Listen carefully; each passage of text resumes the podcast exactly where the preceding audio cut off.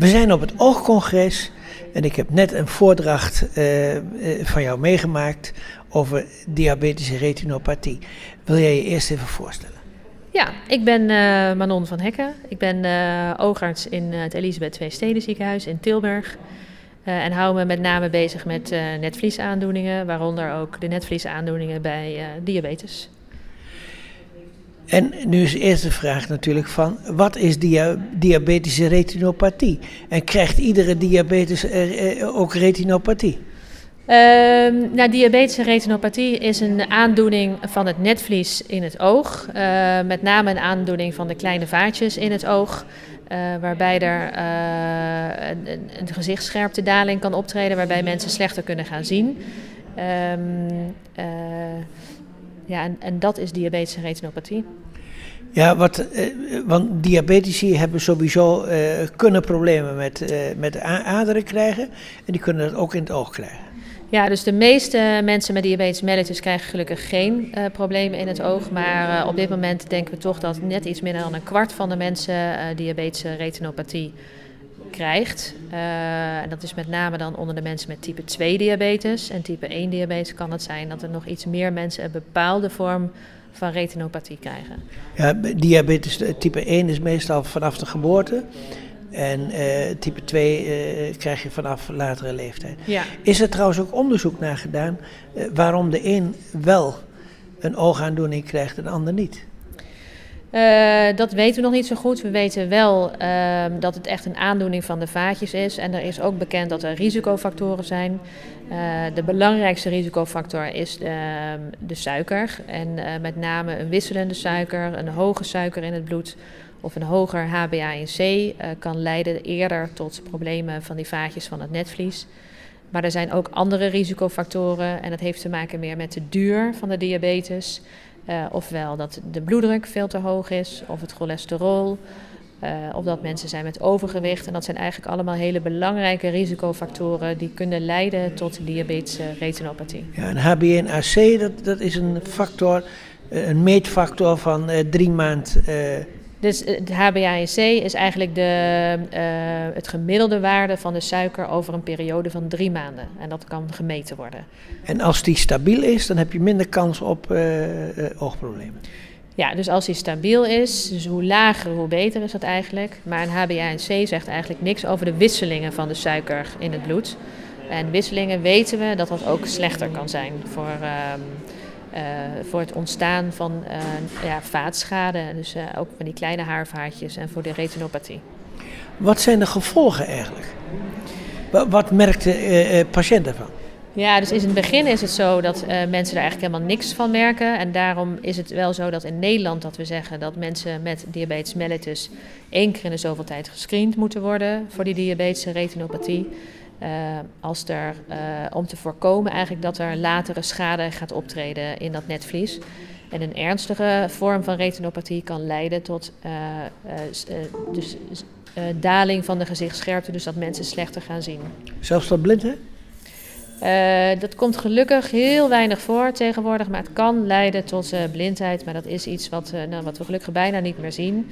En sowieso de mensen met retinopathie of met ernstige retinopathie, het wordt gelukkig allemaal steeds minder dat mensen dat krijgen. En dat komt echt doordat de zorg voor diabetes mellitus eigenlijk veel beter is geworden de afgelopen jaren. Dus dat is zeker een positief punt. En kun je een beetje schetsen wat de, wat de ontwikkeling is van de laatste jaren?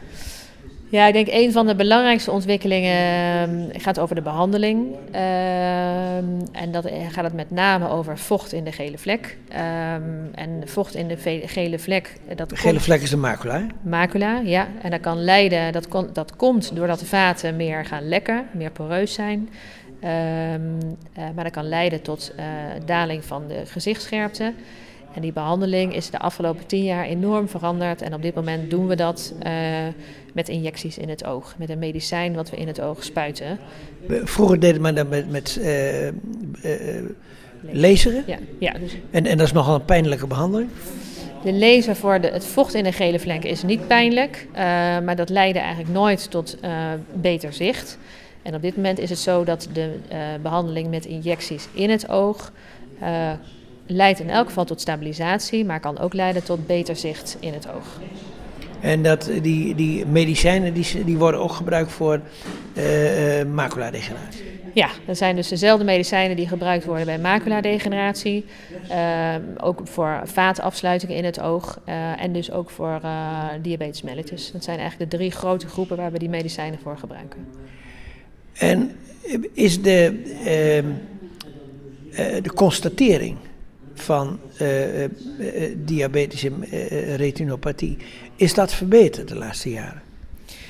Uh, nou ja, het, is zo dat de constatering gebeurt eigenlijk nog steeds eigenlijk op basis van in het oog kijken, foto's maken, foto's beoordelen. Maar de apparatuur wordt eigenlijk steeds beter. We hebben nu uh, meer echo-geleide foto's, waarop we eigenlijk heel precies eigenlijk de details van zo'n netvlies kunnen beoordelen.